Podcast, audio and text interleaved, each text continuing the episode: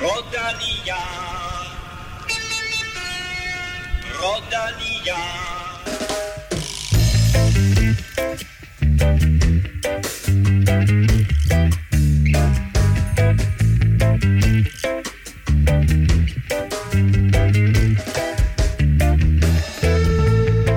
Dette, er der kørt tre etaper siden vi var her sidst, men faktisk er 12. etape i gang lige nu, mens vi optager, og den har udviklet sig helt anderledes end forventet. Du får resultatet af etappen lidt senere i udsendelsen.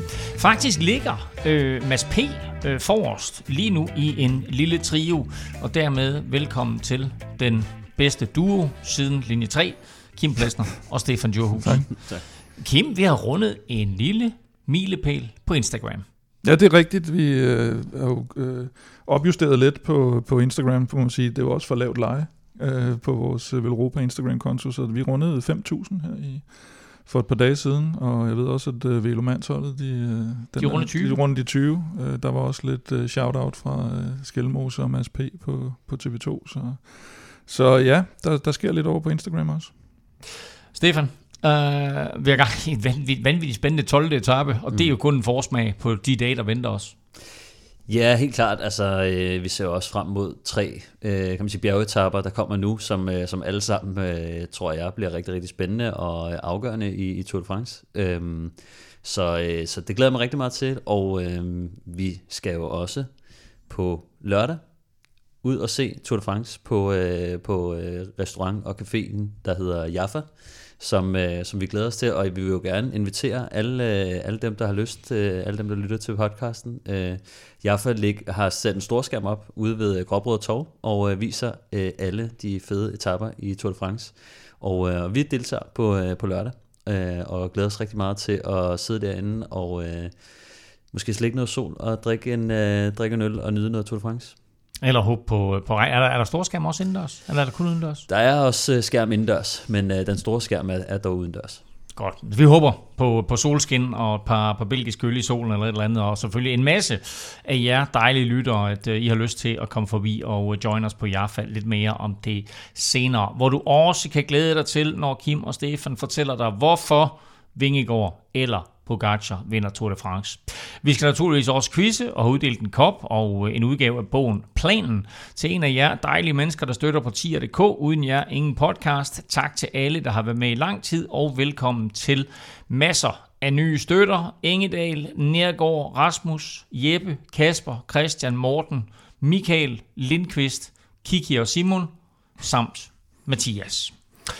Og til dig derude, der sidder og mangler at komme med på, øh, på tiervognen, så øh, er det altså øh, altid muligt at hoppe med på vognen, og øh, gør du det, jamen øh, så støtter du sammen med over 850 af dine medlyttere øh, podcasten her. Og øh, under Tour de France, der har vi jo altså som bekendt masser af fede præmier til øh, vores øh, tierstøtter.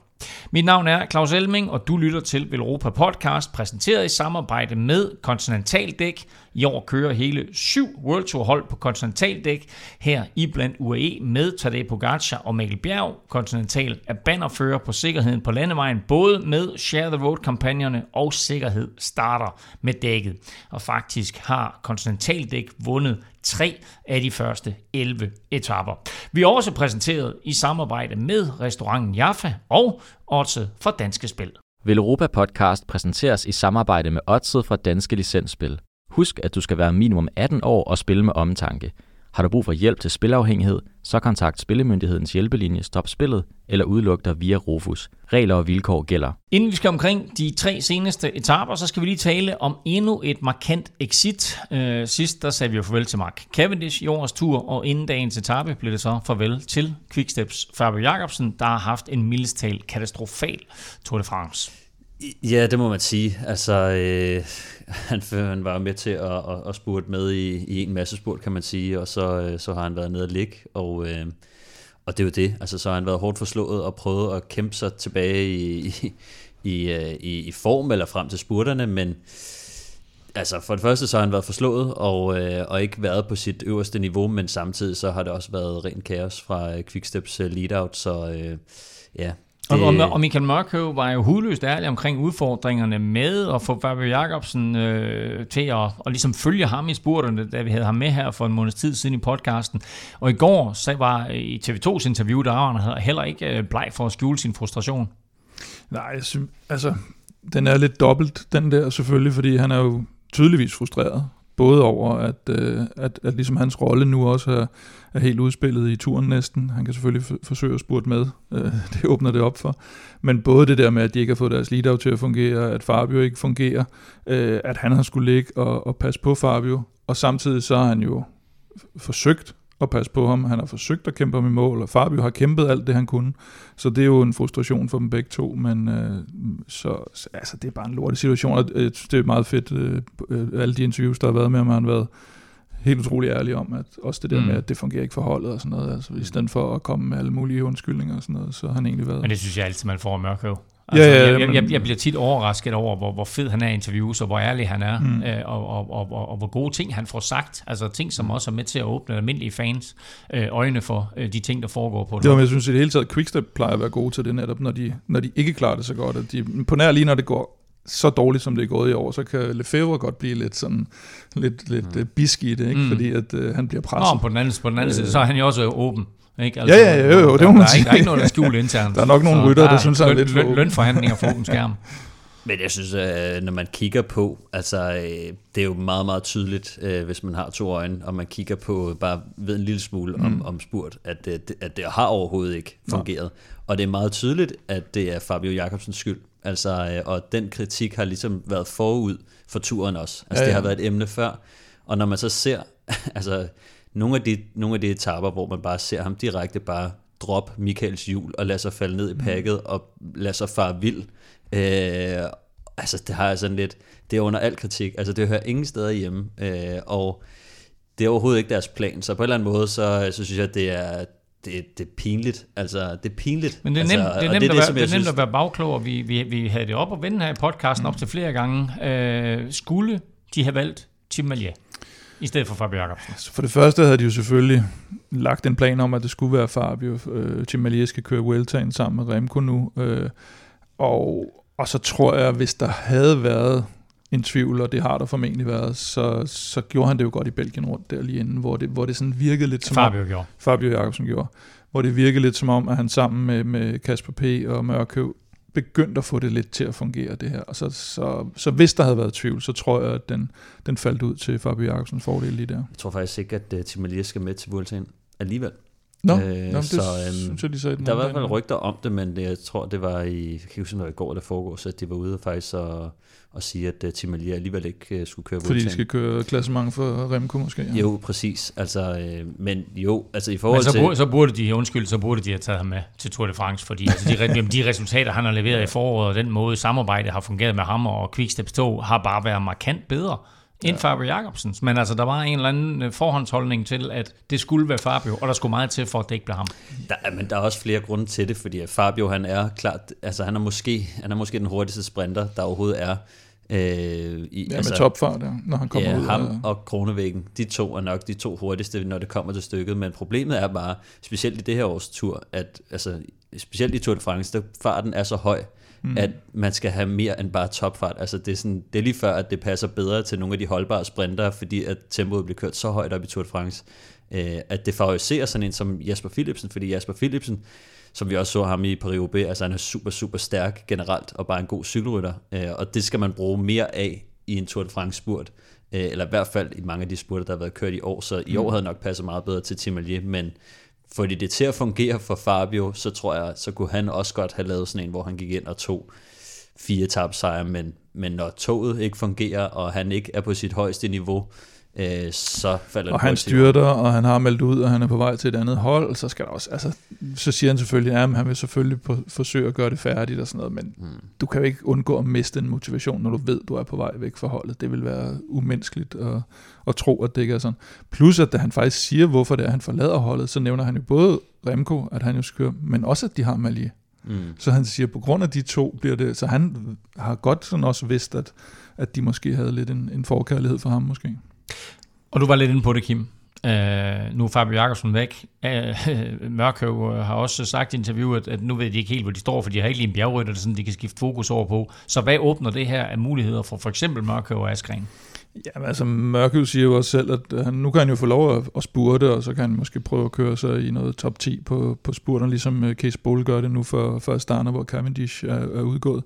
Øh, og som han også siger, så er det nok, det bliver nok svært for ham lige pludselig som en, øh, en kanin ud af hatten der og, og, og slå nogle af de aller, allerstørste, men man kan selvfølgelig få et resultat hjem. Øh, for de andre ændrer det jo ikke så meget, fordi på de etapper, hvor Jakobsen skulle have spurtet, det er de her etapper, hvor det hele bliver holdt i så kort snor, at det giver ikke rigtig nogen mening at gå i udbrud på dem, og på de andre etapper har de jo haft øh, frit lejde til at gå i udbrud. I hvert fald dem, der ikke har skulle ligge ned og, og, og vente på Jakobsen.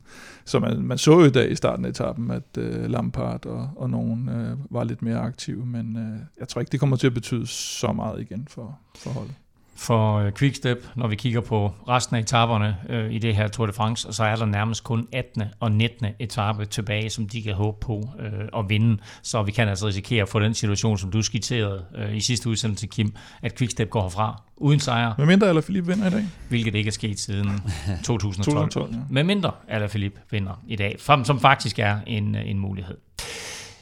Det, der også er en mulighed, det er, at øh, en af jer to vinder i dagens Quiz, quiz, quiz, quiz, quiz.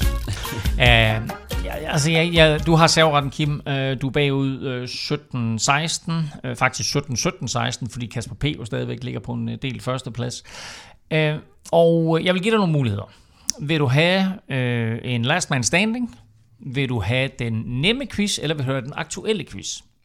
Um, er det mig, der får lov at vælge? Ja, ja. Nå, så, jamen, så er det last man standing. Så er det last man standing. Ja, helt klart. det ved du alligevel. Heller. Ja, helt klart. En, en nem quiz, hvor du kan få lov at svare først. De nemme quiz er altid sådan noget hurtigt, eller lige for to måneder siden. Jamen, ja. øh, en last man standing hedder simpelthen, at 18 nationer har vundet mindst én etape i Tour de France siden 2020. 18 nationer har vundet mindst én etape i Tour de France siden 2020. Hvem er de? Hold da op, det var da sådan lidt random alligevel. Men ja. Er spørgsmålet forstået? Ja, tak. Ja. Så har jeg kun én ting til jer to, og dig, der sidder og lytter med. Lad nu være med at google.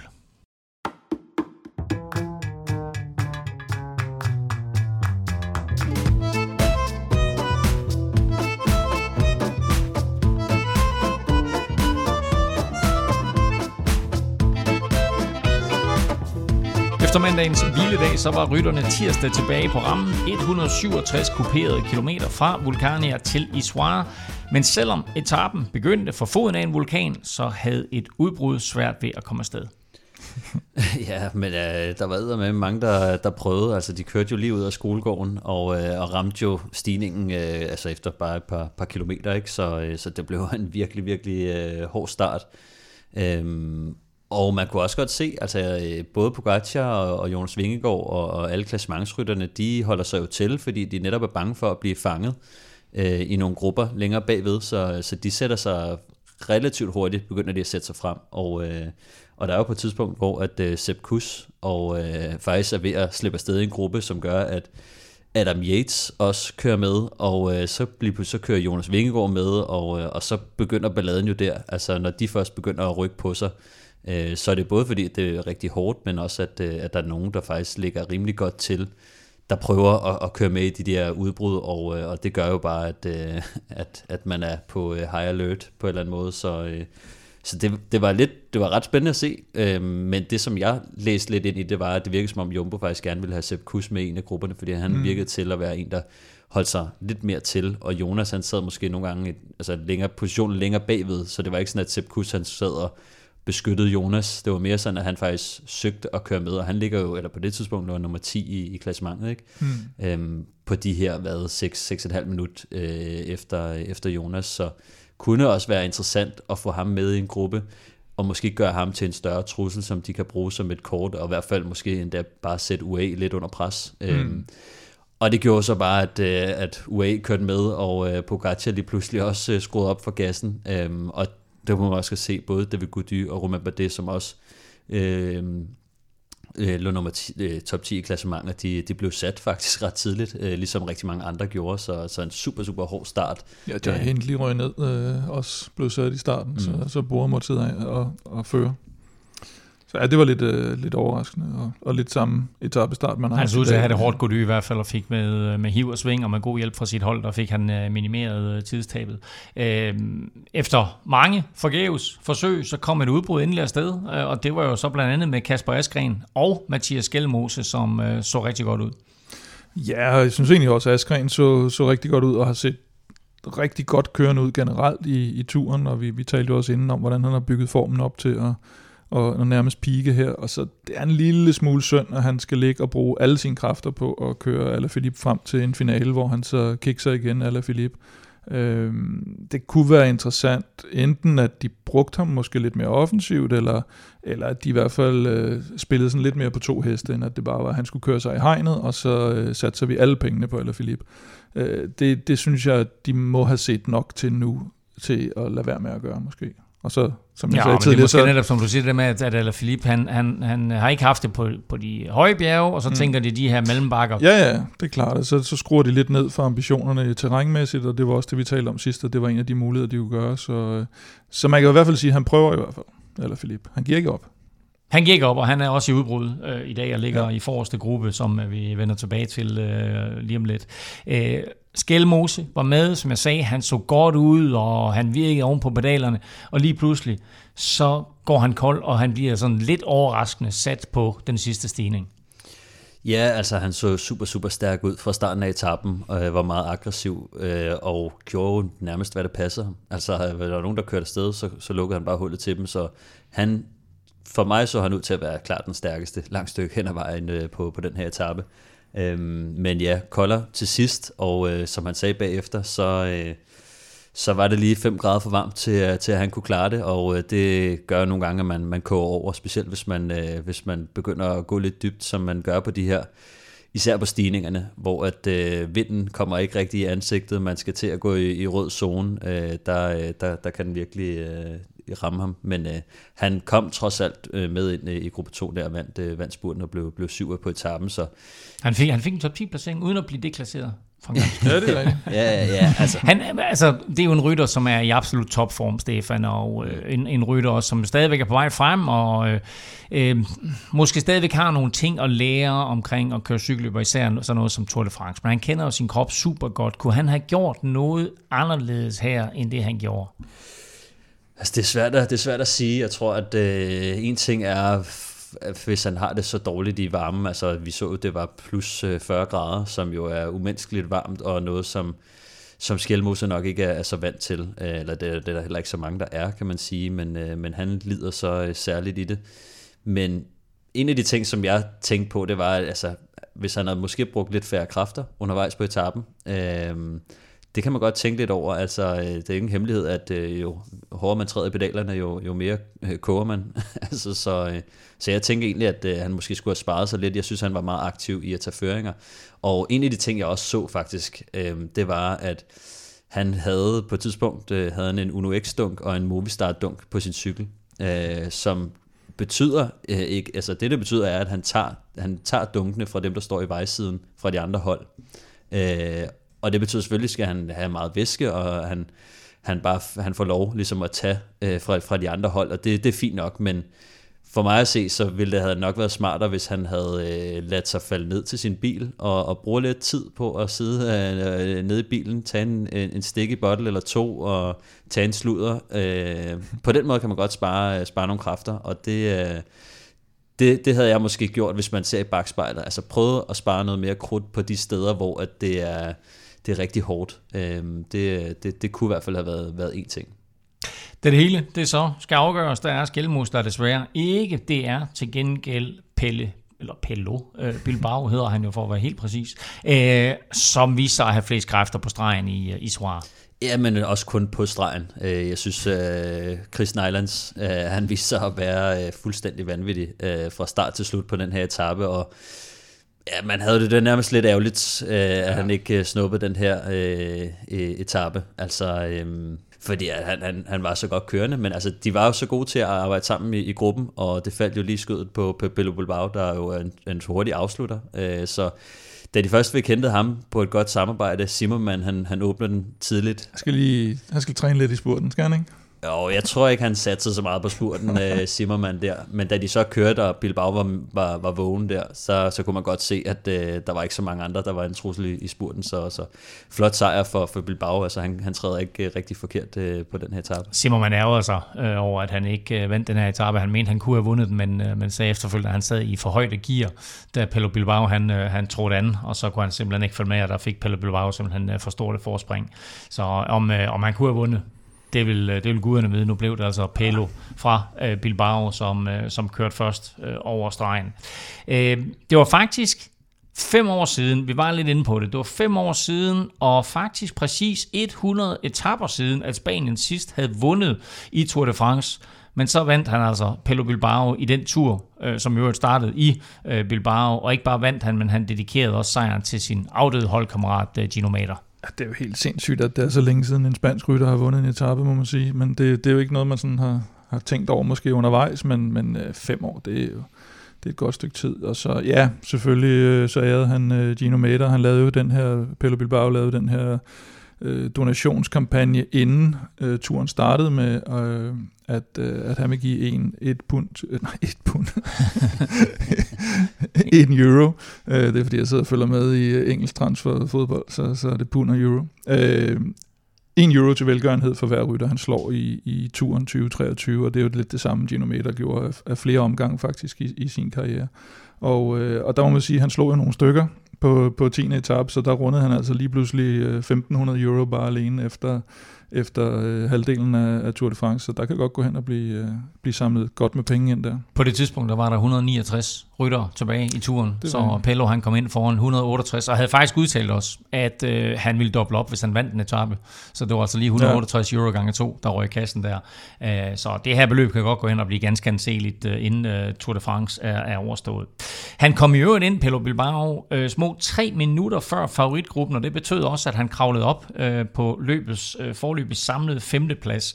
Du får øh, hele stillingen øh, til sidst i udsendelsen. Og så var der jo faktisk lidt drama øh, i spurten også, fordi øh, da, da, da hovedfaldet kommer ind der, der er der sådan lidt øh, infight mellem Jonas Vingegaard og Magnus Kort. Hvad gik det ud på? Jamen, jeg ved faktisk ikke helt, øh, hvad fanden øh, det går ud på. Altså, jeg tror, øh, som man kunne forstå på, på kort, altså, de, vidste, de var ikke helt sikre på, hvor mange der, der lå ude foran. Øh, så det kunne være, at der, der, der lå en, en god placering og, og, og spurgte om, og det er der rigtig mange, øh, særligt i Tour de France, der, der gerne vil, både for, kan man få en top 10 på CV'et, men der er altså også nogle, øh, nogle UCI-point på, på højkant. Øh, relativt mange faktisk, altså i forhold til øh, at blive nummer 8 på en etape i Tour de France, så der er noget at køre om. Det, der var lidt mærkeligt, øh, var, at øh, kan man sige, Jonas Vingegaard, han har siddet på Wout van Aerts hjul i jeg ved ikke hvor længe, og øh, de er på vej ind, og, og der er en tiende plads på højkant, og, øh, og så Kort, han, han forvilder sig helt op øh, foran og gerne vil ind på Wout van hjul, fordi han tror, at Wout van Aert, han skal spurte, som han så ender med ikke at gøre, så øh, det blev lidt et, øh, et shit show, hvor at, øh, hvor at, ja, kan man sige, de to øh, danske drenge der, de, øh, de måske ikke øh, var så gode øh, venner lige efter etappen. Magnus Kort, han var mere på den her, øh, sådan, det, det er hvad der sker, sådan er det, når man, øh, når man er fremme i, i en spurt, men jeg tror, Jonas Vingård tænkte, hvad er det egentlig, vi spurgte om? Altså, der er jo ikke noget at køre om, så, øh, så han var nok lidt mere, øh, lidt mere fornærmet. Det er jo heller ikke, kan man sige, de to rytter er faktisk heller ikke nogen, der kender hinanden så godt fra den, fra den danske scene, fordi at øh, Magnus Kort, han var allerede professionel og videre på det tidspunkt, at Jonas Vingegaard begyndte at køre stærkt på den danske scene.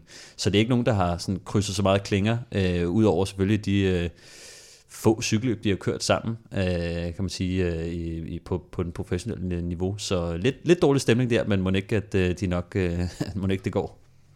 En, øh, en anden lille øh, dansk øh, drama-episode opstod, da øh, Skelmose øh, inden etappen øh, på en eller anden måde, øh, for anden gang i øvrigt i sin debut Tour de France her, kom i verbal clinch med Jumbo Visma. Nå, det var også ham, der fik sagt, at de kørte fra øh, Pogacar, da han stod og tissede. Præcis. ja, jeg tror, jeg tror efterhånden, han har fået en lille øh, kammeratlig samtale med, med nogen hos uh, Trek om, at han måske skal være mindre åben mundet. Han, han får jo sagt, øh, i TV2, i TV2-interview inden etappen, at, øh, at øh, han har hørt, at øh, Wout han tager hjem efter etappen, så, øh, så derfor så vil de jo så vil de holde lidt øje med ham, fordi at de så tror, at han måske er ekstra motiveret for at gå ud og vinde den her etape i tirsdags. Og, og det var han jo også. Det var han sådan set også, altså, og det er han så, det er han så, så på mange etaper. Med historien var rigtig nok. Jo. Men, øh, men øh, da første hollandske og belgiske medier får opsnappet den, og det, det sker sådan først hen under aften eller næste morgen, så, så går den virkelig... Nej, det, det øh, sker faktisk. Det sker under etappen, fordi Wout van Aert får at vide, det, han får det at vide. Han får at vide i øret af sin sportsdirektør, at nu skal han nok lige være opmærksom på, at når han kommer i mål, så er der nogle journalister, der forholde ja. ham til det. Og der sidder han på cyklen og tænker, uh, what the hell is going on, hvad ja. det nu end. Uh, ja, og tænkte, kan vide, om der er noget galt med min kone, som jo er gravid derhjemme oh, ja. og sådan noget. Det var det første, han tænkte sig. Men, uh, men medierne, de, de begynder først sådan virkelig at gå til den der uh, inden etappen dagen efter, hvor, hvor Skelmos han så også må, må op og sige lidt undskyld. Og, og, og, og det rygte kommer jo, eller han fortæller jo så, at, eller, eller det fortæller Steven de Jong faktisk, sportsdirektøren på Trek, siger, øh, til de hollandske og belgiske medier og sige, at øh, det var noget, han havde hørt for seks dage siden, eller sådan noget, at de havde bare hørt det der. Og derfor så talte de om det i forhold til det på et taktikmøde, så det var sådan rent taktisk, men, men, øh, men derfra så til... Altså jeg tror, jeg tror altså det han siger altså noget med, at i dag er sidste dag, Wout van Aert kører, så hold øje med ham, fordi han vil helt sikkert ud at vinde. Ja, lige præcis. Og det er jo det, der skal skælmose, det er, jo, det er jo en af de der ting, man så kan lære måske ved at... Men forbryder han sig mod sådan nogle uskrevne regler i feltet her, Stefan, ved at sige sådan noget til pressen? Ja, jeg ved ikke, om det er noget, der er ikke, ja, som jeg ser, der er der ikke noget særligt sådan cykeludskrevne regler, men, ja. men altså, der, der er men det med, at... France, der er det bare... Ja, altså, ja. der er, mellem rytterne bliver der snakket rigtig, rigtig meget, så der, der går rigtig mange øh, rygter, øh, og nogle af dem er rigtige, og nogle af dem har ikke en skid på sig, øh, så at, at man siger de løse rygter, kan man sige, i medierne, der tror jeg, han får den lærestreg, ja. at folk faktisk tager det ret seriøst, når det gælder turen, og specielt når det så kommer til, kan man sige, den, den var meget sjov, den han... Øh, den han luftede i, i starten af, af turen Nå, med, øh, med, med Pogacar og det ja. der, ikke? Altså, det, hvor man kan man sige, der er han ligesom med til at slå en lille gnist mellem, mellem de to hold der. Ja. Øh, hvor det, det tror jeg ikke, man tænker så meget over, fordi der siger han bare noget, ja. som man, mm, der måske ville være kommet ud anyways. Ja. Øh, men den her, som, som Kim også han siger, altså Wout van Aert, han bliver sådan, han, han er sådan lidt, øh, burde jeg tage hjem til min kone? Ja, men, altså, men det er også han, det der med, at du viderebringer noget, som måske bare skulle være blevet bussen, ikke? fordi det er ja. også det, som du siger, hvis du skulle videregive alle de rygter, der er mellem ja, ja. cykelrytter, er du sindssyg mand, så vil de der interviews inden i etapperne ja. blive ret lange. Ikke? Og, der, er, der er nemlig også en forskel på, øh, om man siger, hvis nu Skelmose var blevet spurgt om, øh, hvad hedder det, har du hørt om, Wout han tager hjem? Ja. Og så siger jeg sådan, jamen jeg har også hørt noget, eller den du, ja. du ved, men jeg, har, jeg ved det ikke. Det er en, en måde at svare på, men det er ham selv, der kommer med ja, historien præcis. til dem, og der er ingen, der har hørt om det før. Ja, så er det klart, at den historie ligesom blower op uh, rimelig hurtigt, men ja. Så jeg, jeg tror, at uh, han har lært lidt af det, og, har fået sig en uh, kammeratlig uh, samtale med, med Wout van Aert. Jeg tror, de, de fanger hinanden på sms eller ja, ja. WhatsApp inden etappen, og Skelmos uh, undskyld inden etappen der, for den her misforståelse over Wout van Aert, som jo øvrigt selv lod til at være så ja, ja. Lidt, lidt, lidt ligeglad med det. Mere var der jo ikke det. Uh, vi går videre til, til 11. etape, uh, som var lidt en dødsejler. Den gik fra Clermont-Ferrand, og så med mål for første gang i turens historie i byen Moulin. Uh, og det kan godt være, at vi her øh, i Velropa Podcast taler om Mads P-dag, men jeg forestiller mig, at de i Belgien er begyndt at tale om Jasper P-dag. Fordi øh, langt og flat i den her tur, det er nemlig ens betydende med Jasper Philipsen. Der har, der har været nogle stykker af dem i hvert fald, må man sige. Ja, fire i den her øh, tur, og to, to i slutningen af den, af den seneste tur. Jamen, han var helt overlegen igen, og, øh, og den her gang faktisk lidt uden øh, så meget hjælp fra Mathieu van der Poel, som, som, var, havde, som var lidt småsyg, ja. og de var blevet, øh, de var normalt værelseskammerater, og var blevet i, hvad hedder sådan noget, separeret, separeret fra hinanden. Skildret. Skildret. Øh, og øh, mere var der ikke så meget at sige om det. Kronevæggen med fremme øh, øh, bliver bedre og bedre, og så kan man også se, at øh, de, de store drenge, tonserne, Mads P. og Christoph, de bliver sådan stille og roligt bedre hen ad turen, og det må vi se, om, øh, om de bliver rigtig, rigtig gode, når vi rammer Paris, og, øh, og, og de så har lidt flere kræfter i behold og kan, kan udfordre noget der måske. Og uden uh, Mathieu van der Poel til at, at køre det her lead-out, som han har gjort uh, til perfektion nærmest uh, i, i starten af turen, uh, så måtte Alpecin de König jo lægge, uh, hvad skal vi sige, æggene uh, over i en anden hat, hedder det? Kurv. Kurv. Ja, ja. ja. uh, og det betyder, at Søren Krav, uh, det er klart, at vi helst uh, som danskere vil se ham første års stregen, men han ydede et kæmpe stykke arbejde her. Ja, altså jo, det gjorde han som sådan jo, men altså, øh, der var nok mere øh, i, i forhold til at, at holde, holde tempoet oppe på det rigtige tidspunkt. Øh, fordi jeg synes ikke, at det var sådan, han sad ikke sådan cleanet op af Jasper Philipsen, øh, men der var meget, han tog en føring fra, ja, var det 3,5 til 2,5 km, øh, eller sådan noget ved stregen, hvor Jasper han sad okay. Og nogle gange så er det også det, man gør. Øh, hvis ens øh, rytter, kaptajn eller sprinter sidder et godt sted i feltet, så kan man godt sige, nu holder du bare tempoet oppe, fordi hvis tempoet lige pludselig falder, så kommer Gud og hver mand flyvende op øh, langs, øh, langs siderne, og så, øh, og så skal man altså kæmpe om, om positionerne igen.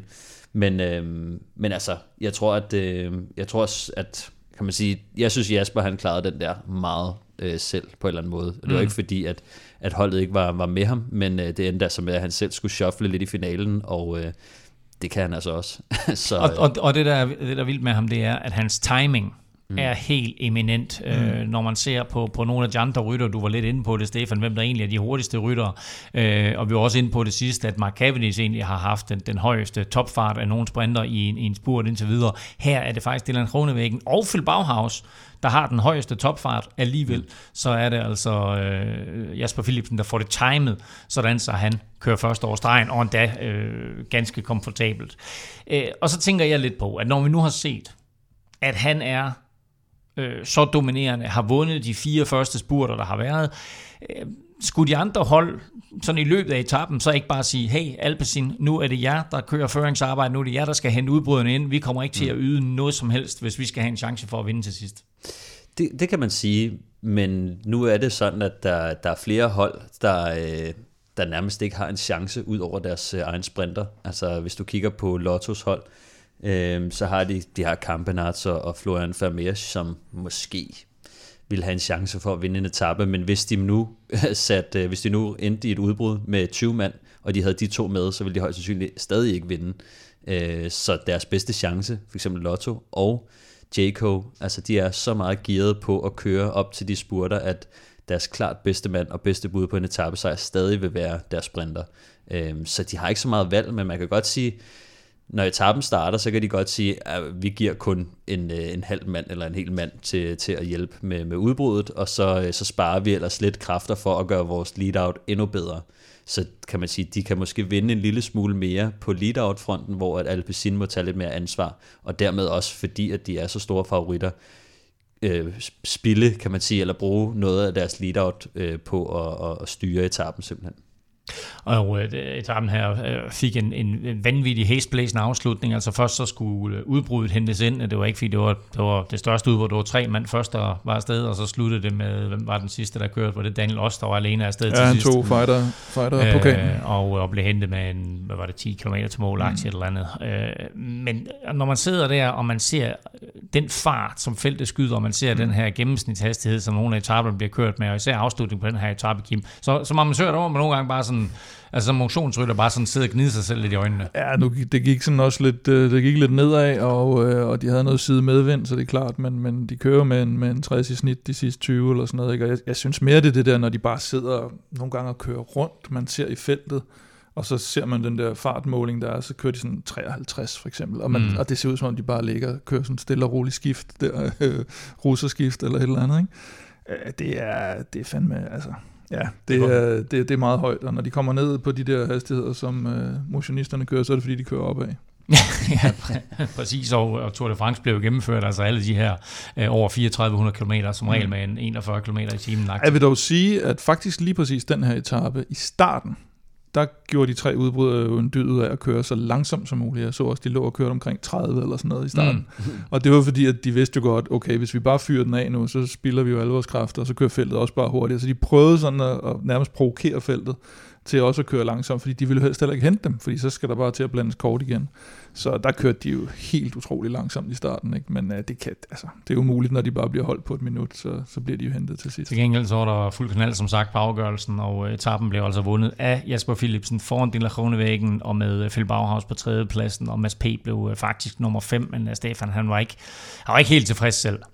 Nej, det kikser lidt for dem faktisk til sidst, øh, eller i lead i hvert fald, fordi han, Mads han har jo Alex Kirsch øh, og Jasper Støjven, og de har jo byttet lidt rundt, så det er Jasper Støjven, der skal være, kan man sige, sidste lead mand men de mister Alex Kirsch på et tidspunkt, hvor at øh, Alex Kirsch faktisk sidder ret langt fremme, øh, og lige pludselig så ser han jo, at jamen, han har ikke øh, Støjven og, og, øh, og Mads med sig, så hans opgave er ligesom død der, altså han, øh, så han, han slår egentlig bare ud, og så er det op til Jasper Støjven at, at bringe øh, Mads frem i den rigtige position, og det gør han næsten perfekt, men øh, han løber tør for kræfter der ved, der er en 600 meter eller 500 meter tilbage, mm. og det er for tidligt for Mads, øh, selv for Mads at, at åbne en spurt der.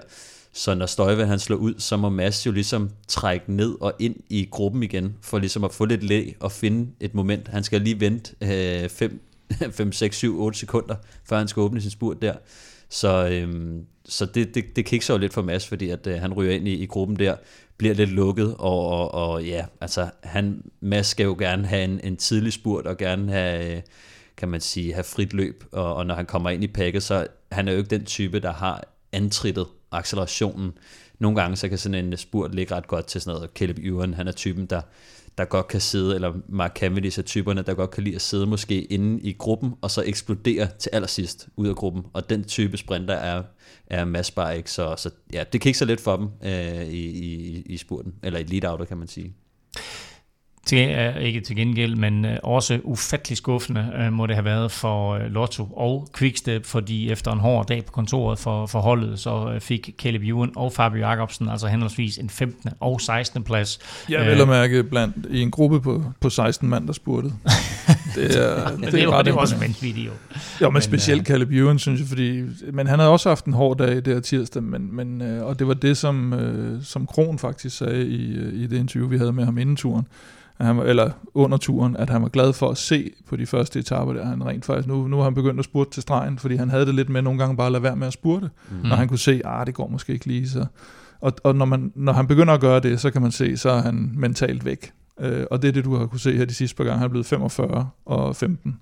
Altså, mm. og den her gang bliver han 15, fordi de er ikke flere. Altså, det er kun Fabio Jacobsen, der, der mm. ligger bag ved ham, ikke?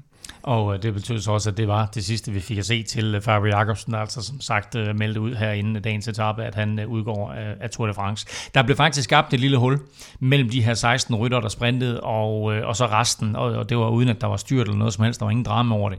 Men jeg lagde bare mærke til, at Jonas Vingegaard, han spurgte øh, og faktisk kiggede sig tilbage over skulderen, da han kom ind over stregen, for lige at se, om der var hul ned til Pogacar. Ja. Og så kan det godt være, at han i et eller andet interview forleden dag udtalte, at man vinder ikke turen på 8 sekunder, men her der prøver han på at stjæle bare et eller to sekunder til Pogacar. Øh, det lykkes ikke, de bliver noteret for, for samme tid, men det er meget interessant, at der er de her små øh, kampe i kampen hele tiden. Vi øh, trækker naturligvis lod i dag om en Europa Cup, og øh, i dag trækker vi også lod om øh, den her bog Plan, mm. Kim. Ja, vi har jo øh, talt lidt om den her bog, og vi har talt meget om det her også med, at, at, at ham her forfatteren, Nando Borges, han har fulgt øh, Jumbo Visma i tre år inden turen sidste år, men han fulgte dem også under øh, sidste år, havde fuld adgang til, til holdet øh, under Tour de France 2022, hvor der jo skete alle de her ting med både med Roglic og med Fanart Van Aert og, og Jonas og så videre. Så, øh, så, så det er også noget, de, de kommer ind på i den her bog, som, øh, som vi jo har øh, er det tre eller fire, vi har? Fire stykker. Fire stykker, vi har og så er det træeren i dag, vi trækker lod om. Ja, eller toeren. Ja, det er, også godt. det er jo, det er jo kræfter mig ikke til at holde styr på hverken etaper eller dage. Men, men vi har masser af kopper. Masser, kopper, masser af kopper. Så Stefan, vi skal have fundet vinderen af en kop. Det skal vi. Og øh, kopvinderen i dag hedder Axel Dam. Og øh, Axel Dam har været med siden øh, maj 2021, så, så også en af de lidt ældre. Lige over to år. Ja. Fedt, Axel. Jamen, øh, tillykke med øh, din nye kop, og øh, nu skal vi så have fundet vinderen af bog 2. Af bog nummer 2, ja. Og øhm, vinderen hedder, ja, det, det er lidt svært at, at, at sige, nu, nu kaster jeg mig ud i det, men øh, Runtit, eller Run Tit, det er vel at mærke tit med T-I-D-T. T-I-D-T. Så det er ikke ja. Runtit. Nå, men hey, Runtit, øh, du er faktisk øh, dagens vinder af bogen Planen. Så øh, stort tillykke til både Axel og øh, Runtit. Øh, og husk, at næste udsendelse, som er på mandag, der trækker vi lod om en ny laser Kineticore hjelm. Den tredje i øvrigt, Kim. Ja, øh, vil du deltage i lodtrækningen om præmierne, så er det super nemt at være med. Øh, du skal bare støtte os på tier.dk. løbet af valgfrit, og du donerer hver gang vi udgiver en øh, ny podcast. Øh, Og vores lodtrækninger, ja, der gør vi det jo på den måde, at for hver femmer du donerer, der får du et lod i puljen, så jo større beløb, jo flere lodder, og dermed altså større chance for at vinde. Du finder link både på velropa.dk og på tier.dk. Tusind tak for støtten til alle, og tillykke til Axel og øh, uh, Runtit. Og så er 12. etape netop slut. 169 km med mål i øh, Beaujolais-regionen med øh, tre kategoriserede stigninger på de sidste 70 km. På forhånd det, vi havde kaldt en danskerdag. Store forhåbninger til Kort og til Skjelmose og måske endda flere andre. I stedet så blev det en baskerdag. Ja, det er, sådan lidt, øh, det er sådan lidt underligt. Det er den her omvendte Tour de France, fordi nu, har, nu vinder baskerne så lige pludselig uden for baskerlandet. Det var ligesom Dan, Danmark havde kæmpe succes sidste år, ja, da Tour startede Danmark. i Danmark, ja, uden for Danmark, og øh, nu har baskerlandet ja. altså nu vundet Jon, to etaper. Øh, Jon Isagirre, han øh, kører solo for udbrud for, på den sidste stigning, og, øh, og holder rigtig, rigtig flot hjem. Har Guillaume Martin med, holdkammeraten for Cofidis i, øh, i udbrud, og... Øh, og det er vel egentlig ham, man måske sidder og kigger lidt på, og så kører han, så bliver han sendt afsted som den første, fordi så har de jo uh, Guillaume Martin som øh, næste skud, men øh, der er ikke rigtig nogen, der for, formår at gå med ham, og, og da de så skal hente ham på, på nedkørselen, så, så kan de ikke rigtig blive enige bagved også, fordi de har Guillaume Martin siddende, Pinot sidder med, han sidder måske og tænker lidt klassement. Øh, Johannesen fra, fra Uno X, han, han er måske tilfreds med en top 3'er. De har Tis Pinot med for Jumbo, som ikke måske rigtig ved, hvorfor han sidder der. Så, så det bliver sådan lidt ham her, Matteo Jorgensen, og, og så Bygodo, der, der, der sidder og, og, og, og vil noget i, i den forfølgergruppe, og det, det bliver aldrig noget samarbejde. Det her, det var altså øh, uh, Kofidis' anden sejr ja. i år, efter at der var gået 15 år uden en Cofidis-sejr i Tour de France, så har de vundet to gange. Det var også den anden spanske sejr, efter at de havde haft fem års tørke. Det var også den anden Jon Isagir sejr øh, i Tour de France. Altså baskerne vil så. måske sige, at der ikke har været to spanske etapper. Etappesejre det, er det korrekt, det er korrekt. De mener, det var to baskere, der har vundet de ja. der øh, etapper. Øh, Mathias Gjelmose, forsøgt sig. Little Trek var i det hele taget øh, meget aktiv til at starte med, med, med øh, både Mads P. og Mathias Gjelmose. Øhm, og han forsøger flere gange, Mathias Gjelmose, og hvis vi lige vender tilbage til det, vi talte om lidt tidligere med den her øh, sag, hvor han måske kommer til at tale lidt over som Mathias og, og siger, at Wout van Aert, han er på vej hjem. Den måde, jeg ser Jumbo køre på i dag, ligger de Stefan simpelthen og lukker ned for alle Mathias Gjelmoses forsøg? Åh, oh, det er et godt spørgsmål, synes jeg. Altså, øhm, jeg så det ikke helt sådan på den måde, men nu hvor du siger det, så, øh, så kan man måske godt øh, se lidt af det, synes jeg. Altså, jeg, jeg tror, øh, nu ender det også med, at Tis Benot, han, øh, han kommer i udbrud, mm. altså, og, og kører væk, øh, selv når Skelmose ikke er der. Så jeg, jeg tror egentlig, at både Vart van Aert og Tis Benot så ud som om, at de havde ligesom fået til opgave, at de skulle være der. Øhm, men ja, altså Skelmos han fik ikke lov at, at køre, og, øh, og igen, så han bruger mange kræfter på at, på at prøve at komme afsted, og ligesom er med til at trække øh, afsted. Når der er nogen, der kører afsted, mm. så, så lukker han bare hullet alene op til dem, og så kommer de andre øh, efter, og der kunne man godt se Jumbo nogle gange, de, øh, de, de bare trak, øh, trak det ind igen, i stedet for, kan man sige, at angribe. Så ja, jeg glæder mig til at se, øh, om der bliver, om der bliver kommenteret på, på, i, i den retning, fordi at, øh, det kunne godt se lidt ud sådan, selvom det ikke var, det er ikke en mission direkte, men, øh, men, men der, der kan godt blive vinklet lidt altså, den vej. Jeg, jeg har personligt bare svært ved at forstå, også i, på tirsdagens etape, og også i dag, jeg, jeg har sådan lidt svært ved at finde ud af, hvad, hvad der er Jumbos formål med det her. Altså også i tirsdags, hvor så forsøger Van Aert sig lidt, og så kører de sådan lidt halvklassement nede bagved, og så lige så bliver Fanart sat, så kommer han op igen, så kører han med Van der Poel. Uh, vil de køre for, at han skal vinde etappen, og i dag, der kører han også flere gange afsted, kører virkelig hårdt afsted, og så får de Benot med ud, som sidder og kæmper helt vildt for en fjerdeplads til sidst. Hvad skulle han ligge derude for? Hvad, hvad har det med noget at gøre? Så er han jo bare mere træt i morgen, når han skal Men ja, du har selv nævnt det flere gange, total cykling. Det må man sige, det er virkelig total cykling. De skyder i, øh, i højre og venstre, og får ikke rigtig noget ud af det. Øhm, det eneste, jeg kan se for mig, de kan bruge til noget, det er det her med, hvis, hvis ambitionen er, at det bare skal gøres så hårdt som muligt. Og det må man sige, både tirsdag og torsdagens etapper har været hårde mm. fra start og meget langt ind i løbet, i forhold til hvis der bare kørt ud på et sted på første. Mads P. stak jo for kilometer 0. Hvis han var kommet afsted, Skelmose var kommet op, de ligger otte mand, og de får lov at køre, Jumbo skal ligge og kontrollere hele dagen. Så får de i hvert fald øh, trættet hele feltet, og deriblandt måske også Pogacar mere, så han er så mør som muligt, når de kommer hen til de høje bjerge i Alperne. Det er det eneste, jeg er kan der ikke se. smartere måde at gøre det på? Jo, men jeg? altså, jeg siger bare, det er det- den eneste, jeg Ja. kan se, der giver mening i det, de laver i øjeblikket, fordi der er, ikke, der er hverken hoved eller hale i det, de Men det er jo egentlig lidt vildt, fordi Ja, vi, vi, vil- vi, vi vil tale om tre mellemetapper her. Øh, altså 10, 11 og 12 skulle være sådan tre mellemetapper, efter at vi har haft nogle hårde øh, bjergetapper, og så inden vi går ind i alberne. Men altså 11.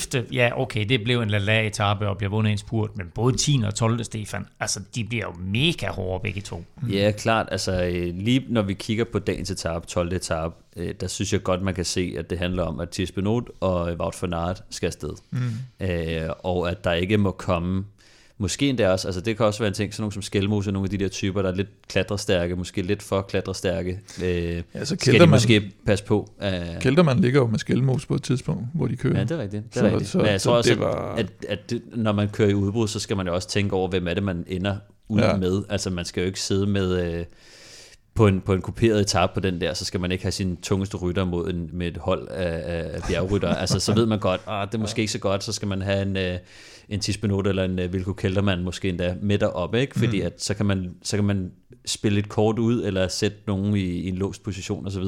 Men i dag synes jeg, det bliver meget risky business, men det, man kan godt se, det handler om primært øh, Pinot og øh, hvad hedder den, øh, Wout van Aert til at, og de har jo ikke fået en sejr endnu. Mm. Jumbo Visma har ikke fået en etappesejr, og vi er over halvvejs inde i Tour de France. De har en, en, en øh, kan man sige, knebenføring med, med Jonas Vingegaard, øh, og den del går okay, men alt det andet, øh, Wout van Aert, mm. han øh, rammer ikke niveau. Øh, det, det, det ser shaky ud, og jeg synes også, noget af det, som, som jeg synes, at de skal til at overveje nu, hvor at de andre ryttere ikke er stærke nok til at tage den skide tappesejr, så tror jeg også, at man ser Jonas Vingegaard sidde alene mm. i store dele af etappen. Kaotiske momenter, hvor han sidder alene. Øh, Pogacar, han har måske to hjælperytter omkring sig. Ikke? Ja. Det synes jeg måske ikke helt er, er Men godt er det ikke nok. også et, jeg kommer til at tænke på, om det ikke er et svaghedstegn fra Jumbo, at man går så meget efter etappesejr så sent ind i løbet, hvor man har den gule føretrøje. Det er som om, er det ikke ah, nok? Det gjorde de også sidste år. Ja, jo, men ikke på samme måde. Da først Jonas han så øh, fik, øh, fik skovlen under det og taget, så var det, så var det meget Jonas, de kørte efter. Nej, det var var Wout van Aert kørte der også afsted der, og så videre Mange sidste år. der, der kørte han der. Jamen for at hjælpe Jonas. Hvad? Ja, for at hjælpe Jonas til Det sidst. gjorde han så ikke, men det kunne han have gjort. Nå, var tur, og du er to år tilbage. ja, det Ja, okay. Det, jeg troede, du Nej, mente, okay, jeg troede, du mente Otakam-etappen sidste år. Jeg synes bare, Ja, ja, det at hvis du har den gule trøje, og du var, og du var komfortabel med at sige, jamen, vi vinder med Jonas, så vil du ikke være så desperat efter en etape, at du sætter Beno ud og køre. Og, Men hvor skulle de ellers få etappen? Altså, øh, Jamen, jeg ved ikke, hvor- hvorfor skal de have det? Hvis, Jonas? De ikke, hvis Jonas han ikke kan vinde de der mountaintop finishes, Nå, men det er det, jeg hvor mener. fanden skal de så gøre det? Men det er det, jeg mener, at de er blevet usikre på det. Er det derfor, de lader udbrud Ja. køre, og skal have de her, fordi Ja. de bliver usikre på, Jonas vandt ikke på. Ja. Ja. Jonas vandt ikke på Tourmalet. Præcis.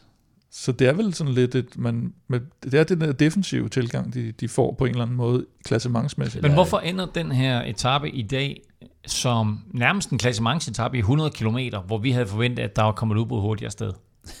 Det er det samme som tirsdag, ikke? Det, Ja. er, det er en intens kamp omkring at at komme med i det der udbrud der. Altså, øh, der er så mange, der gerne vil med i udbrud. Vi taler også om, om et cykelløb, hvor at, at klassementet, det er to rytter, altså, øh, der, der kører klassement i bund og Ja, men du kan så dele klassementet op i to jo. Eller du Ja, kan dele det op i tre. ja, du, fordi, ja. fordi den måde, etappen bliver kørt på i dag, der kan du faktisk dele det op i tre. Du kan sige, okay, vi har et og to, de er sådan rimelig øh, mejslet ind i, i granit. Det Så har du tredjepladsen. Den er også mejslet ind i, i granit. Ja, bror, nærmest. ja, Jai Hindley. Altså, Han er to men lad minutter til, Lad, øh, ja, nærmest, lad os nu se, der er et par giftige etapper tilbage. Men det er lidt interessant, for det vi ser i dag også, det er jo også en kamp om at køre sig ind i top 10. Ja, ja. Det er det, og det, den, den, den kamp, den plejer jo først at blive åbnet, øh, synes jeg, øh, i tredje uge. Altså, der, mm.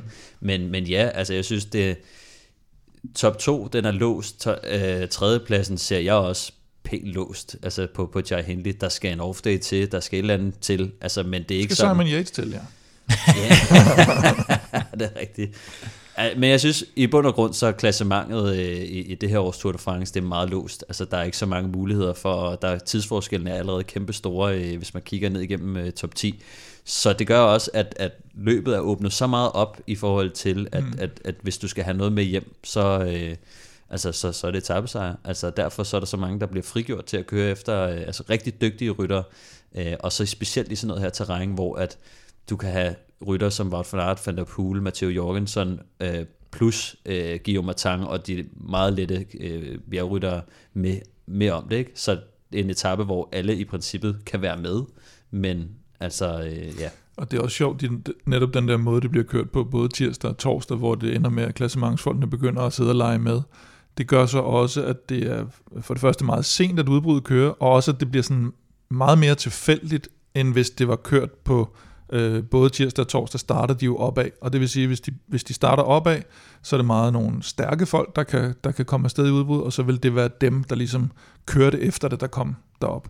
Nu bliver det sådan næsten en tilfældighed, hvor der ligger, jeg ved ikke hvor mange rytter og, og hugger afsted i løbet af dagen, og så bliver det afgjort ved, hvornår klassementsholdene holder op med at køre. Mm. Det er så dem, der så er ude lige præcis på det tidspunkt, det er dem, der kører. Det er ikke nødvendigvis, hvem der er de stærkeste, eller hvem der har angrebet mere. Så var Skelmose jo røget sted i dag. Ikke? Men han sidder tilfældigvis nede i feltet, da klassementsfolkene holder op med at køre, og så er de Mads P. Støjen foran. En lortig situation for, for Little Trek øh, i forhold til den etapeprofil, der er i dag. Det vidste de også godt, men det var heller ikke det, de kørte efter. De kørte jo bare ud for at være på forkant, og så tænkte de, så kommer han op bagefter, så går lortet bare i stå. Ikke? Mm. Og det er tough luck. To rytter, jeg lige vil bringe op her. Øh, en, som jeg synes, vi godt kan tale om positive vendinger, og så en, som øh, vi kan tale om knap så positive vendinger. Lad os starte med en positiv. Matthew van der Poel. Ja, det var flot. Det var flot at se ham. det, var, det var den flotte. Den negative? No.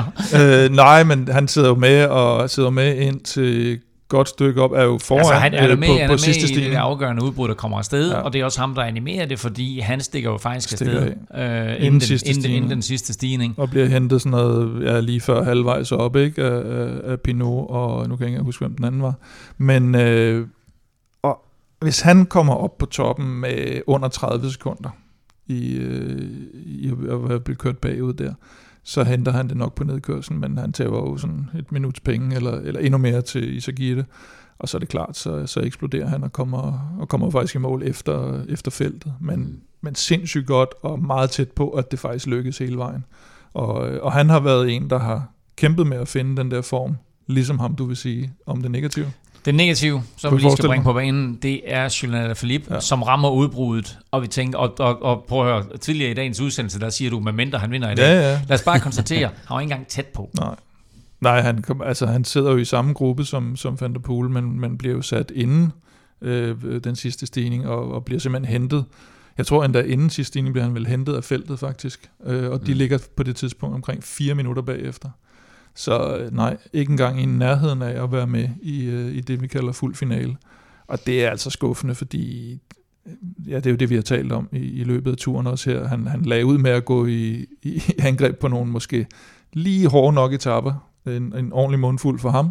Og så talte vi om, måske skulle de bare skære ned på terrænet, fordi så kan han måske være med alligevel. Han har jo afslutningsevnerne, øh, men ikke engang der kan han være med. Altså det er fair nok, hvis sådan en som Askren havde været med i dag, og han så var gået kold på en kategori 2 stigning, så kan man sige, jamen det er ikke hans terræn, og det, det, kunne vi, det kunne vi forvente, hvis han, skulle- så skulle han have sådan en eller anden superdag, hvis han skulle sidde med. Eller Philip skal ikke engang have en superdag for at sidde med her. Altså der sidder folk som Johannesen, øh, Van der Poel, øh, hvad, hvad er det, hvad hedder han, øh, Bø, Bø, Bø- Bø- Jamen det er jo ham, der, Ja. ja, øh, som nærmest er en kopi af ham, ikke? Ja, ja. det, det, det er simpelthen ikke, øh, det er sgu ikke højt nok niveau. Jeg, jeg glæder mig, eller jeg, jeg glæder mig ikke, øh, det lyder egentlig mærkeligt.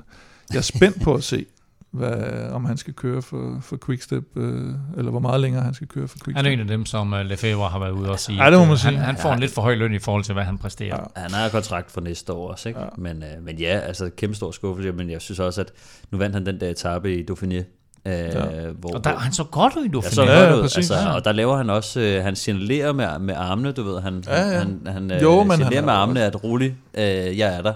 Ja, Øh, og så ser man, og der hvor han skulle være slået til, det var i Baskerlandet, de første to etapper. ja, ja. Det ligger jo, det er jo sådan noget, der er rent godt for ham, ikke? Og når han ikke rammer den der, øh, så, og så er han bare langt fra den Alaphilippe, vi kan huske, da han, kører, da han sidder i føretrøjen og sidder Ja. ja. med over de der, altså, ja, ja. øh, øh, de kæmpe større, altså uden for kategoribjerge har han jo nærmest siddet med. På en etape som i dag vil op, han jo være kæmpe stor favorit i sådan et udbrud, hvis han Ja. ramte det. Altså, Ja, og på samme måde, Wout van Aert, altså er jo også en type, der hvis han rammer sine gode dage, mm. så er det der jo øh, easy peasy for ham.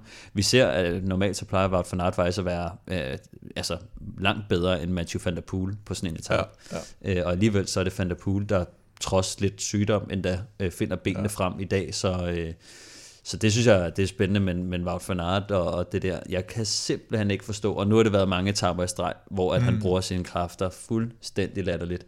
Øhm, og det, altså, det synes jeg snart også... Øh, må, må, må, de må snart fortælle ham, at øh, han ikke vinder en etap, altså fordi han kan hverken være med i, i sprinterne. Ja, men tænk tilbage på sidste år, der var også et par etapper, hvor han går i udbrud, ikke? Og, øh, og, og, og ligger derude, øh, jeg kan ikke huske, om det var, han lå sammen, men de lå to mand i lang, lang tid ja, på en eller anden etape, hvor de ja, bliver hentet til sidst. Altså, det der tv Men der er jo mange af dem, der også, øh, i hvert fald Van der Poel og Van Aert har jo også talt meget om det her VM, og grunden til, at man, man kører, som man kører, og det der. Det men nu er de jo allerede begyndt på, øh, i belgiske medier, for de har udtaget øh, enten hele VM, VM-holdet eller, eller, eller noget af det, det. Det var jeg faktisk lidt usikker på. Men der er, der er den store debat jo. Tidligere var det jo meget uh, Remco og Van Aert, hvad nu? Men nu er det sådan, hvem skal køre spurten for hvem, hvis det bliver en, altså med Jasper Philipsen. Mm. Fordi Jasper Philipsen er så god form til VM, så nu vil de sådan forvente, at Van Aert skal til at køre spurt mm. for Jasper Philipsen. Mm. Og det skal der nok også blive lidt, uh, lidt debat om. Der har været øh, snak omkring, om både Wout van Aert og Van der Poel vil bruge altså brugte Tour de France som en optag ja. til, til VM. Og det har der så selvfølgelig også været kritik for. Jeg synes også godt, man kan se, at de kommer... Hvis man skal bruge det som en del af sin træning, så skal man jo ikke komme uh, totalt uh, on fire ind i cykelløbet. Så skal man mm. komme ind uh, der, hvor man faktisk mangler noget af den der træning, som kan bringe en op på, på, på topniveau. Ikke? Og det synes jeg, øh, når man så ser deres niveau, hvor man tænker, jamen, hvad, hvad har de egentlig? Altså, der er ikke så mange undskyldninger. De har egentlig haft øh, frit løb øh, hele sæsonen, ikke? og begge to været på super højt niveau i foråret. Hvorfor skulle de komme ind i turen og ikke være altså, på deres bedste niveau? Det er måske på grund af VM. Ja. En mand, der var på super højt niveau i dag, det var Jon Isagira. Han kom alene til mål, og det gjorde han foran en øh, duo, der hed Mathieu Burgodeau, som blev nummer to, og Matteo Jorgensen, øh, der blev øh, nummer tre. Og så øh, fulgte ellers stille og roligt derind efter, og så lidt skuffende, så man vil sige, at bedste dansker i dag rent faktisk bliver den gule trøje. Øh, Jonas Vingegaard kom ind i samme gruppe som øh, Mathias Skelmose, men, øh, men generelt så blev den her danskerdag altså ikke en danskerdag, men der i mål en baskerdag. Vil Europa Podcast præsenteres i samarbejde med Odset fra Danske Licensspil. Husk, at du skal være minimum 18 år og spille med omtanke. Har du brug for hjælp til spilafhængighed, så kontakt Spillemyndighedens hjælpelinje Stop Spillet eller udluk dig via Rufus. Regler og vilkår gælder. Lige om lidt skal vi have dagens spiltips, og vi kigger også nærmere på de næste tre dages vilde Øh, etaper, men øh, først der får du som lovet lige stillingen her efter øh, 12. etape. Det er fortsat med Jonas Vingegaard i gult, og der skete altså ikke øh, nogen forskydning mellem ham og Tadej Pogacar, så 17 sekunder ned til sloveneren, og fortsat med Jai Hindley på øh, tredjepladsen. Så følger Carlos Rodriguez, Pelo Bilbao kom som tidligere nævnt op på femtepladsen. Så følger der lige to gange Yates, øh, Adam øh, før Simon, og så øh, Thomas Pitcock, og så David Gody, som egentlig har haft problemer, men øh, fortsat ligger på 9 pladsen 6 minutter efter. Og så bevægede øh, Thibaut Pinot så faktisk fem pladser op i hierarkiet og ind i øh, top 10 øh, i dag. Han er nu 6,5 minutter efter, og det bliver jo altså også interessant at se det her med, som vi talte om inden Tour de France, om han her i øh, de sidste ni etaper kommer til at gå stenhårdt efter den der bjergtrøje, fordi godt nok er der uddelt en del point i bjergkonkurrencen, men det er jo ikke så om, at han ikke kan nå, præcis som han gjorde i Giroen, og hente øh, nok mm. point til, at han napper bjergtrøjen her i sin uh, sidste Tour de France. Han har, han har jo ikke gjort det nemt for sig selv ved lige pludselig også at køre sig op i klassementet, så, så nu er der i hvert fald mindre sandsynlighed for, at han ja. får lov bare at stikke afsted det er i, i de store. Men, Stort øh, set men lad os ingen se. faktisk, for at de lader ham køre i, i et morgenudbrud sådan rigtigt. Der er men ikke så kører han klassement. Hvad? Så kører han klassement. Sagde jeg ikke på et tidspunkt, at han ville vinde turen? Nå, du har, ja, jeg, jeg tror, at vores interne troede, har du sagt, at han ville Okay, det var det, han var. ja. uh, Og lad os så kigge frem mod en øh, vild, vild weekend, hvor turen jo reelt set kan blive afgjort. Det hele begynder i morgen fredag, hvor der kommer en stor udfordring for rytterne. Faktisk så stor, at den hedder Grand. Øh, etappen er blot 138 km, men slutter med den frygtelige stigning Grand Colombier uden for kategori. Ja, altså øh, det bliver en, øh, en, en kort øh, etape og øh, ret ukompliceret frem mod øh, Grand Colombier øh, bjerget til sidst, og øh, det er jo et, et, et ret vildt bjerg. Det er 17,5 km langt og, og stiger med øh, lidt over 7% i, i snit, øh, så øh, det, er en, det er en ordentlig klippert og er egentlig en stigning, som øh, der er meget lang og urytmisk. Altså, der kommer mange små øh, hvil på, øh, men også mange stejle sektioner. Så øh, en, øh, kan man sige, en, en stigning, der kan blive en fugl eller fisk, vil jeg sige, fordi de stejle sektioner kan godt øh, lægge op til, til angreb, øh, men det er også en stigning, hvor at man godt kan benytte sin, øh, sin hjælperytter en del, og øh, ja, jeg tror, det bliver en smuk afslutning. Øh, den har jo de her øh, flotte hornhulsving hele vejen op, som ikke er på samme måde, som øh, man kender det fra... Øh, fra sådan noget Alpe med sådan nogle hylder, men mere sådan noget snoet, øh, snoet op igennem, øh, kan man sige, øh, bjerget. Så øh, bliver en, bliver en sjov øh, finale. Sidst de var der, der vandt øh, Pogacar. Øh, så, øh, så han har gode minder derfra, desværre. Men, øh, men, men vi må se, det bliver en, øh, det bliver en, en, en kan man sige, der kommer nok til at være et udbrud, der, der, der, der kører til at starte med. Jeg kan ikke forestille mig, at, øh, at der både UAE eller Jumbo har lyst til at, at bruge deres hold op på, på at kontrollere det, men øh, det bliver en, en sjov tab. Blot en enkelt gang i turens historie har der været mål på, øh, på toppen af Grand Colombier. I morgen, Kim, det er faktisk den 14. juli, det vil sige, mm. det er mhm. den franske nationaldag, Bastilledagen. Så bliver det en klassementsvinder, eller bliver det en fransk vinder? Og jeg tror faktisk, at måske Jumbo de vil køre den lidt defensivt, som vi har talt om lidt, de, de vil godt prøve at undgå, at Pogacar får fat i de her bonussekunder måske, fordi han har et lille overtag på, på Jonas i øjeblikket øh, hvor det ikke er blevet højt nok, eller, eller vi ikke har kørt lang tid nok i bjergene. Så må ikke de lader et udbrud komme afsted, og så, så starter den jo ret flat, og det vil sige, det er ikke sikkert, det er de store klatre, der måske kommer afsted, men til gengæld kan de måske godt få rigtig mange minutter, mm. og må ikke der er en del franskmænd, der godt se, om de kan ramme, ramme det, her, det her udbrud. Så jeg tror egentlig, der er en, der er en okay chance for, øh, og så, så, så øh, i forhold til det med klassementet, så er det jo heller ikke øh, den hårde øh, opkørsel til Grand Colombier. Der, der er nogle forskellige måder, man kan komme op til den på, og, og den i morgen er, er lidt nemmere, end, øh, end den kan være. Så jeg tror måske, at Jumbo vil køre den defensivt, og det, det giver det i hvert fald større muligheder for franskmændene. Men i hvert fald en, en stigning, der sådan set i det lange perspektiv øh, kommer til at trække tænder ud på alle mand. Øh, og det er så den nemme af øh, de kommende etaper, fordi lørdag er barsk 4.000 200 højdemeter på blot 152 km, afsluttende med den onde øh, Col de Chouplan, og så en øh, svær nedkørsel, som jeg selv lige har været ned over, ned mod øh, Morsine. Det bliver øh, en fuldstændig vanvittig dag, og øh, måske øh, lidt ligesom vi så 10. og 12. etape her, bare på øh, mm. speed. Mm. Altså, øh, fordi det, altså det, det er en hård start på dagen med en, med en kategori 3 stigning, men øh, lige efterfuldt øh, kommer der to kategori 1 stigninger øh, og det er inden for de første 50 km. Øh, så formentlig får vi, altså er den så hård, at vi selvfølgelig nok får et udbrud at se, men igen tror jeg, at det bliver sådan en, hvor at Pogacar og Jonas Vingegaard, øh, de kommer til at sidde med fremme, altså øh, for at se, altså øh, for at være sikker på, at de ikke øh, taber tid til nogen, men også for at få et overblik over, hvem er det, der, der, der ryger afsted i de der masse angreb der. Øhm, der kommer så et mellemspil, øh, hvor at, kan man sige, formentlig falder der lidt ro på, og så kommer der de her to vanvittige stigninger til sidst, som hedder Col de la Ramas og Col de Chuplan, som, øh, som du også har sagt. Den her øh, Col de Ramas stigning, den er 14 km med 7% i snit. Det er et voldsomt bjerg, og øh, Chuplan øh, bagefter er lidt kortere, men også lidt stejlere og lidt hårdere, 12 km med 8,5% i snit. Øh, og det sidste del af Chouplan, øh, de sidste 5 km, det er med omkring 10% i snit. Så, og jeg sige, det er en meget, meget smuk opkørsel, men det opdagede jeg ikke, for jeg kiggede bare ned i asfalten. Ja. så det er benhårdt de sidste 5 km op mod toppen. Ja, og det, det var faktisk ikke, altså da jeg på forhånd altså, havde kigget på den her etape, var det ikke sådan, at jeg tænkte, at det bliver altså, en, af, en af de store dage, men uh, som vi har set, den måde, de har kørt på, og de sidste to stigninger, hvor, hvor slemme de er. Altså, det, uh... altså hvis de starter med at køre klassement fra, fra kilometer 0 det igen, det, det, det. Det, det kan de næsten ikke. Jo. Hvis vi får altså. sådan en start, som vi har fået på, på 10. og 12. etape, så tror jeg, at det her bliver en fuldstændig det er vanvittig etape. Det er de nødt til at holde op med, jo. Det, kan, ja. det er der ikke nogen, der kan. Jeg kunne godt tænke mig, at de gjorde det. Kunne, altså. Ja, det kunne være skide underholdende at se ja. på, men... Øh, Hvis nu de holder lidt igen, øh, er det så en skælmosedag? Han har i hvert fald sat kryds ved den etape. Det, det havde han så også i dag, og nu, man kan sige, hvis han måske skal han, hvis han tager en slapper i morgen, så øh, han har ikke, formentlig ikke så meget at køre for i morgen. Det er en flad start. Øh, det er svært for ham at komme i udbrud. Han har ikke noget klassement at køre for på den sidste stigning. Så hvis han tager en slapper der og får lavet batterierne op, så ligger den rigtig godt til ham. Og, og jeg håber næsten for ham, at, øh, at de holder op med at køre det der klassementsræs fra starten.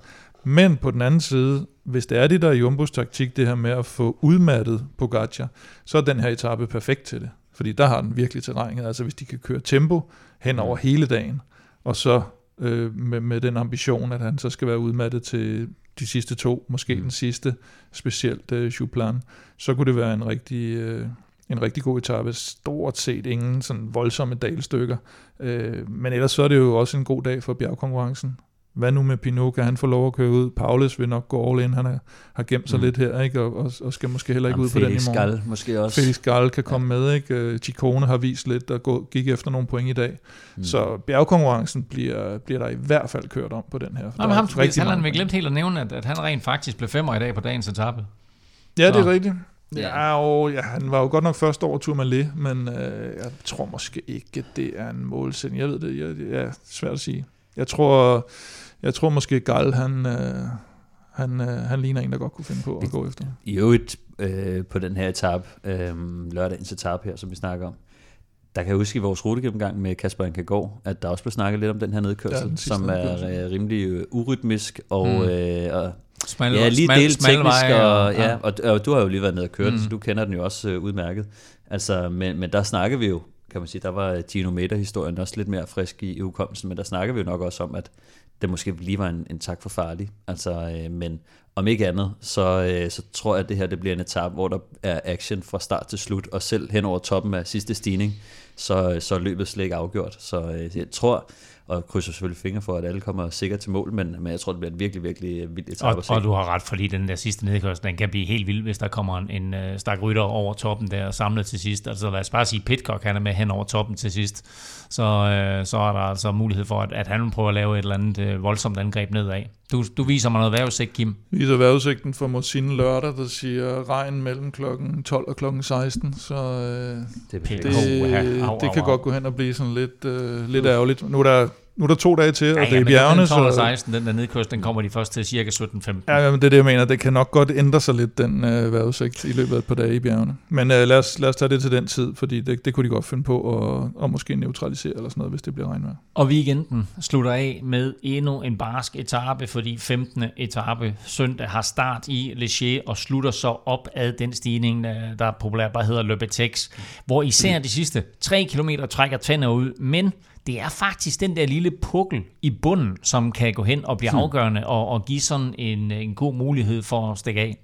Ja, det er sådan en lille øh, kickstarter, vil jeg sige. Men øh, altså, hvis man lige kigger på, på etappen fra start af, så sådan, altså, området taget betragtning, så, får, så er det en forholdsvis rolig start, hvor der ikke er noget sådan store bjerge øh, på de første 70 km. Så en noget anderledes øh, start, kan man sige, end, end nogle af de her andre øh, etapper, vi har snakket om.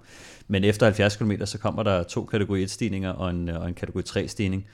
Og i vores rutegennemgang og snakker vi også om netop den her, altså efter de to kategori 1 og den kategori 3 stigning, så kommer der det her mellemspil på en, på lidt over 30 km øh, fra Col de Arvis, hvor det, sådan, det går lidt nedad, så kommer der et, et, et okay langt fladt stykke, øh, 15 km, en nedkørsel igen, og så er det, man rammer de sidste to stigninger, er det jo egentlig, men det ligner, kigger man på profilen, så ligner det en stigning, ikke? Øh, fordi at, øh, som, som du siger, den starter øh, fuldstændig vanvittigt. Øh, De den, første 2,8 km aktivt eller andet, altså de er voldsomt stejle. Ja, den er, er 2,8, øh, eller ja, den stiger med, med 11% i snit, Col de Amaran.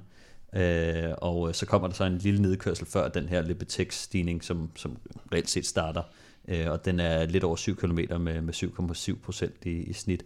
Og den bliver bare hårdere mod, mod toppen. Så en, en rigtig, rigtig flot finale, tror jeg.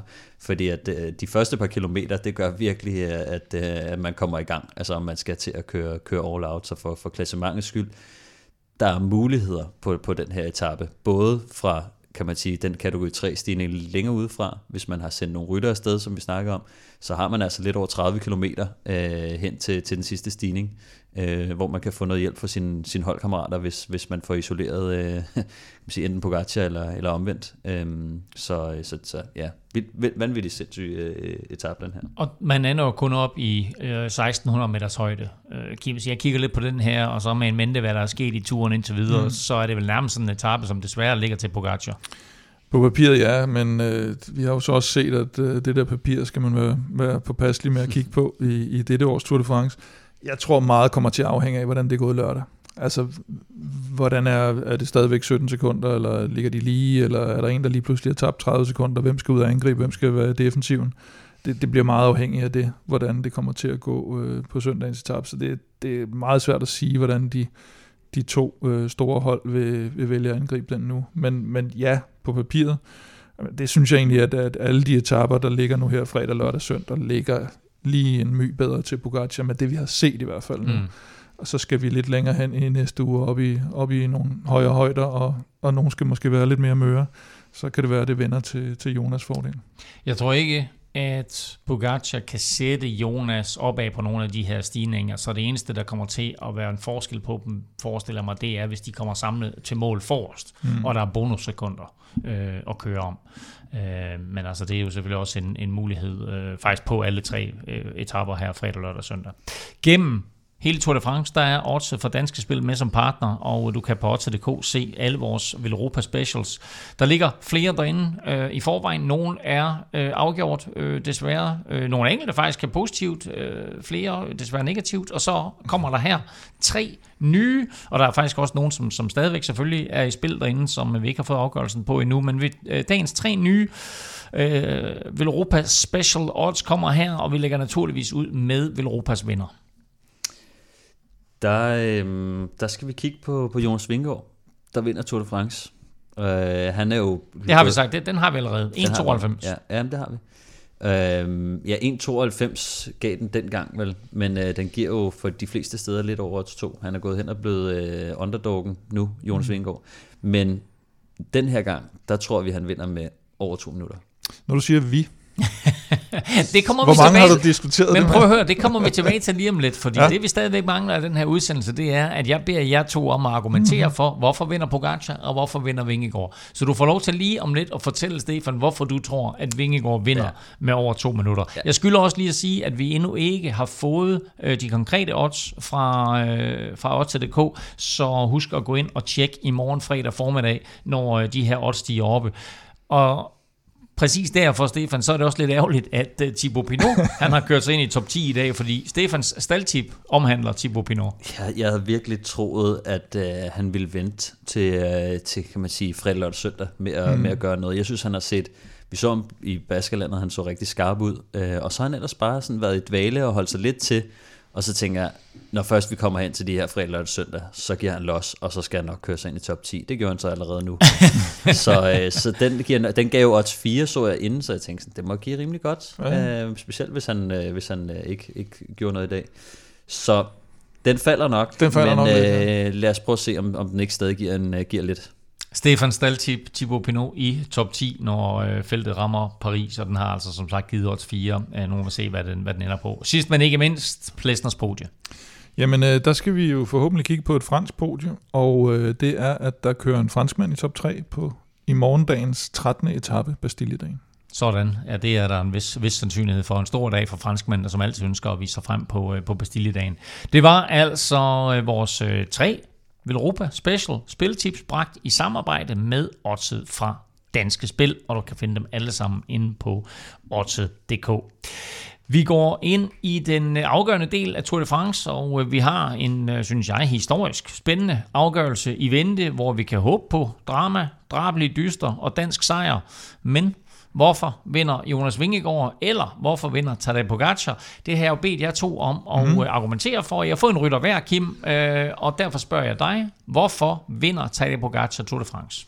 Ja, vi skal måske sige, at det er jo ikke fordi, jeg så nødvendigvis tror, han vinder Tour de France. Men, men, øh, hvorfor skal du komme med sådan en disclaimer? Ja, Ikke? over det synes jeg, at... Du elsker- Øh, Nej, hader jeg Jonas. dig om er at ja, ja.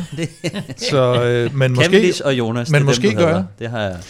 Øh, jeg tror i hvert fald nok, han har større chance for at vinde Tour de France, end øh, Stefan tror. Så derfor er det måske meget fair, at det er mig, der får øh, Pogacar. Øh, jeg synes, tendensen lige nu er, at han er den stærkeste i bjergene, eller det er tendensen, øh, uanset stigningsprocenterne, uanset hvad for en profil der har været.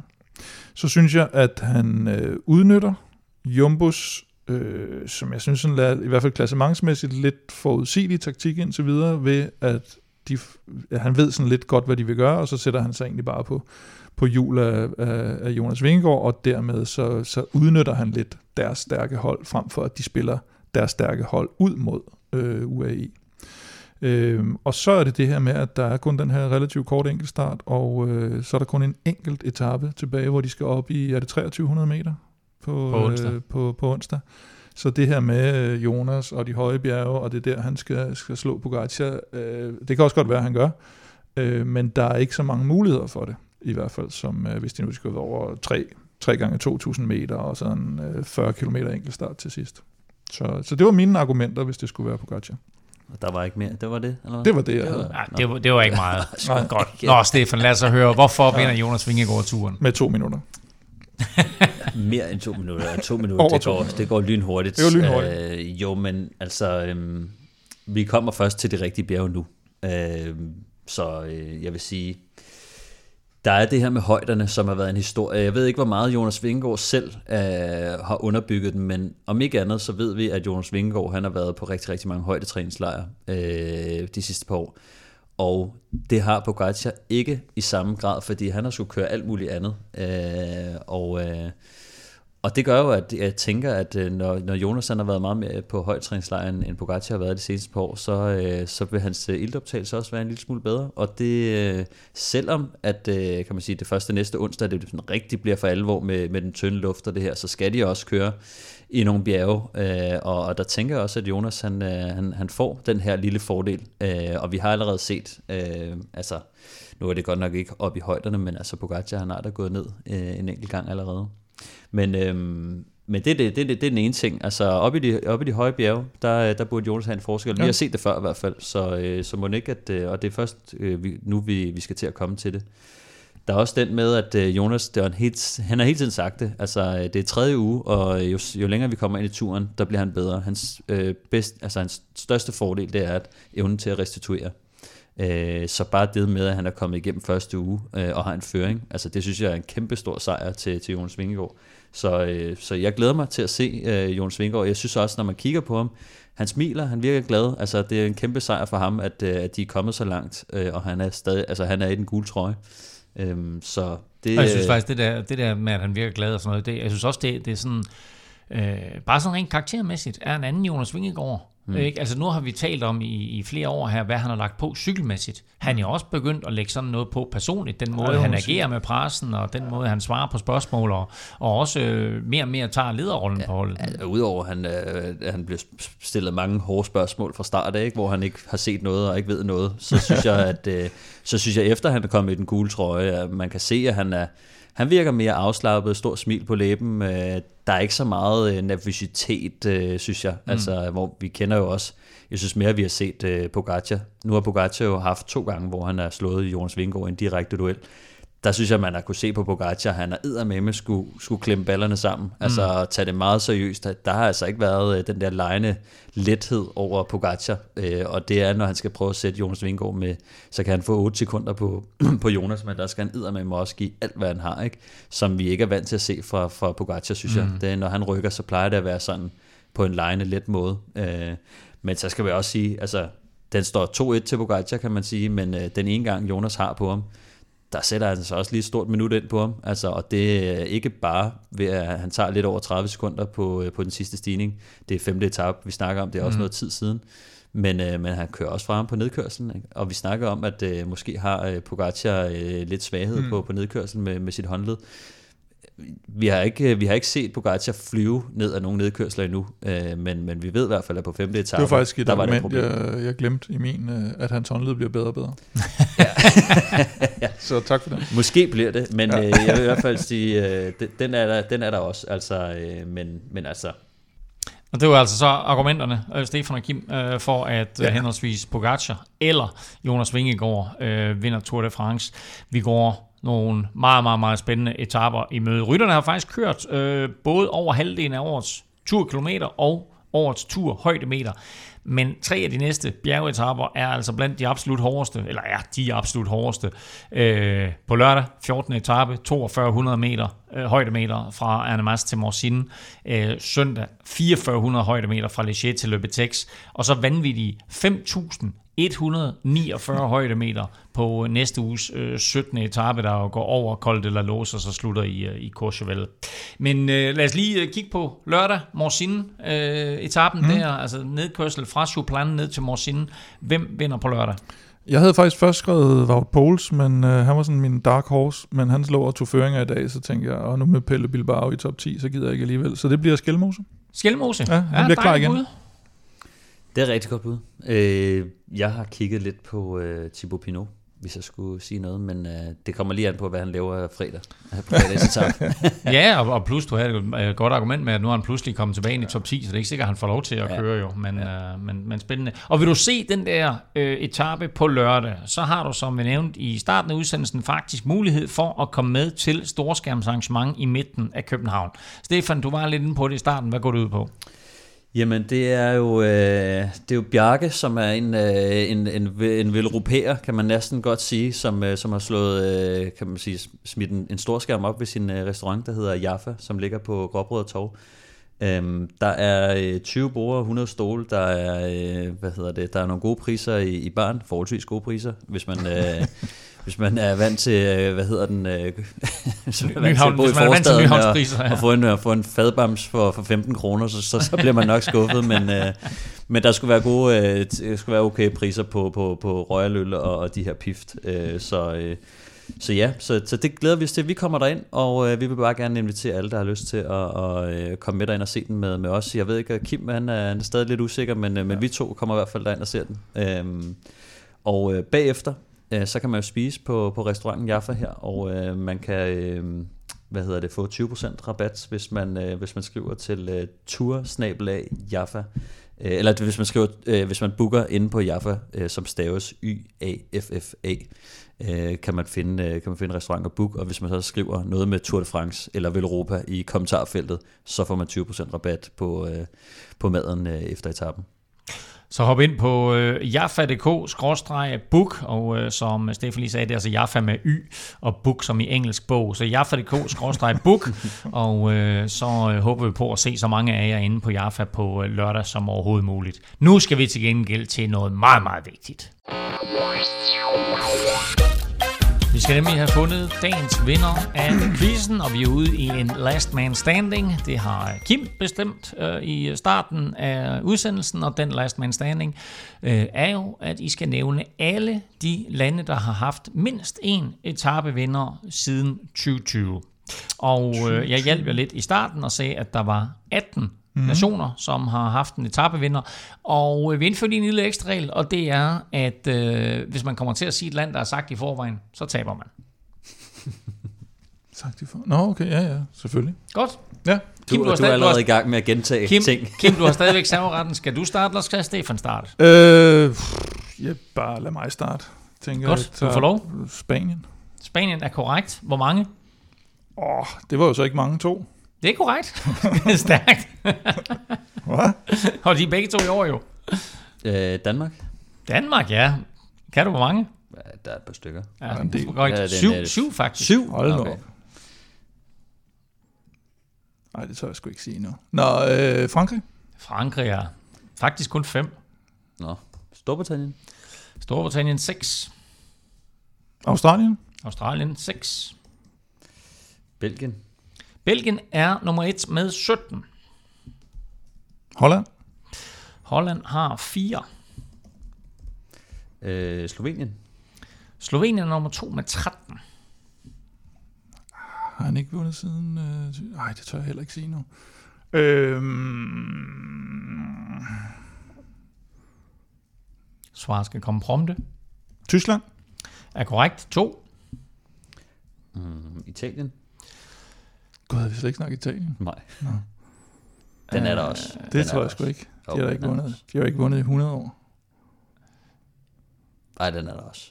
Italien har ikke vundet en etape i Tour de France siden 2020. Seriøst? Det vil jeg vidste, der var, det var sådan en ministryger, der var en. Altså, der var, jeg vidste, der var en. Det er løgn. Det er løgn. Ja, det er lidt ærgerligt. det har de ikke. Italien har ingen etapevinder i Tour de France siden 2020. Kæft, mand. Hvem har Er du det så ellers? lang tid, øh, Du har skrevet Brille, han mange. er stoppet? Jeg var også lige pludselig ude i at ville sige Irland og sådan noget, men... Øh, Jamen, de har faktisk vundet to. Nå, har de det? Nå, okay. Nå ja, de er har også, jo... øh, Ja. Du kan sige USA og Canada, eller Ja, også ja. Og Colombia. Ja, Colombia, ja. Ja. Men Italien er der også. Portugal, Portugal måske? Nej, heller ikke. Heller ikke Portugal. Nej. Hvad med Kazakhstan egentlig? Kazakhstan Lusenko? er der. Ja, Kazakhstan, Lusenko, og, og, en anden, og en anden lidt outside nation, øh, Canada. Jamen, den havde Den har jeg jo Stefan lige også, sagt, så, ja. så Nå, det hørte hvis jeg. du var med, så, Så var du tabt. ude Ja. nu. Så, øh, jamen, øh, Ecuador, er den ikke også på? Bo, nej, desværre. Ecuador er ikke på. Nej.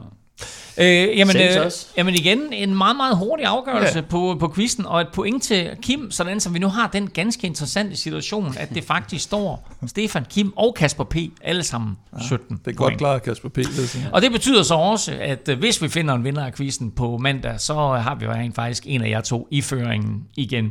For vi er tilbage på mandag, hvor der er hviledag i Tour de France, og der kigger vi selvfølgelig tilbage på de her tre meget, meget spændende etaper i Alperne, og frem mod blandt andet enkeltstarten på tirsdag, og så den her vilde etape over Col de la Lose på onsdag. Hvis du vil vinde en Villeuropa Cup, eller en laserhjelm, eller for den sags skyld bogen øh, Planen, så hop ind og støt os på øh, tier.dk. Og så må du altså meget gerne lige gå ind og give os nogle stjerner og en anmeldelse i din podcast-app.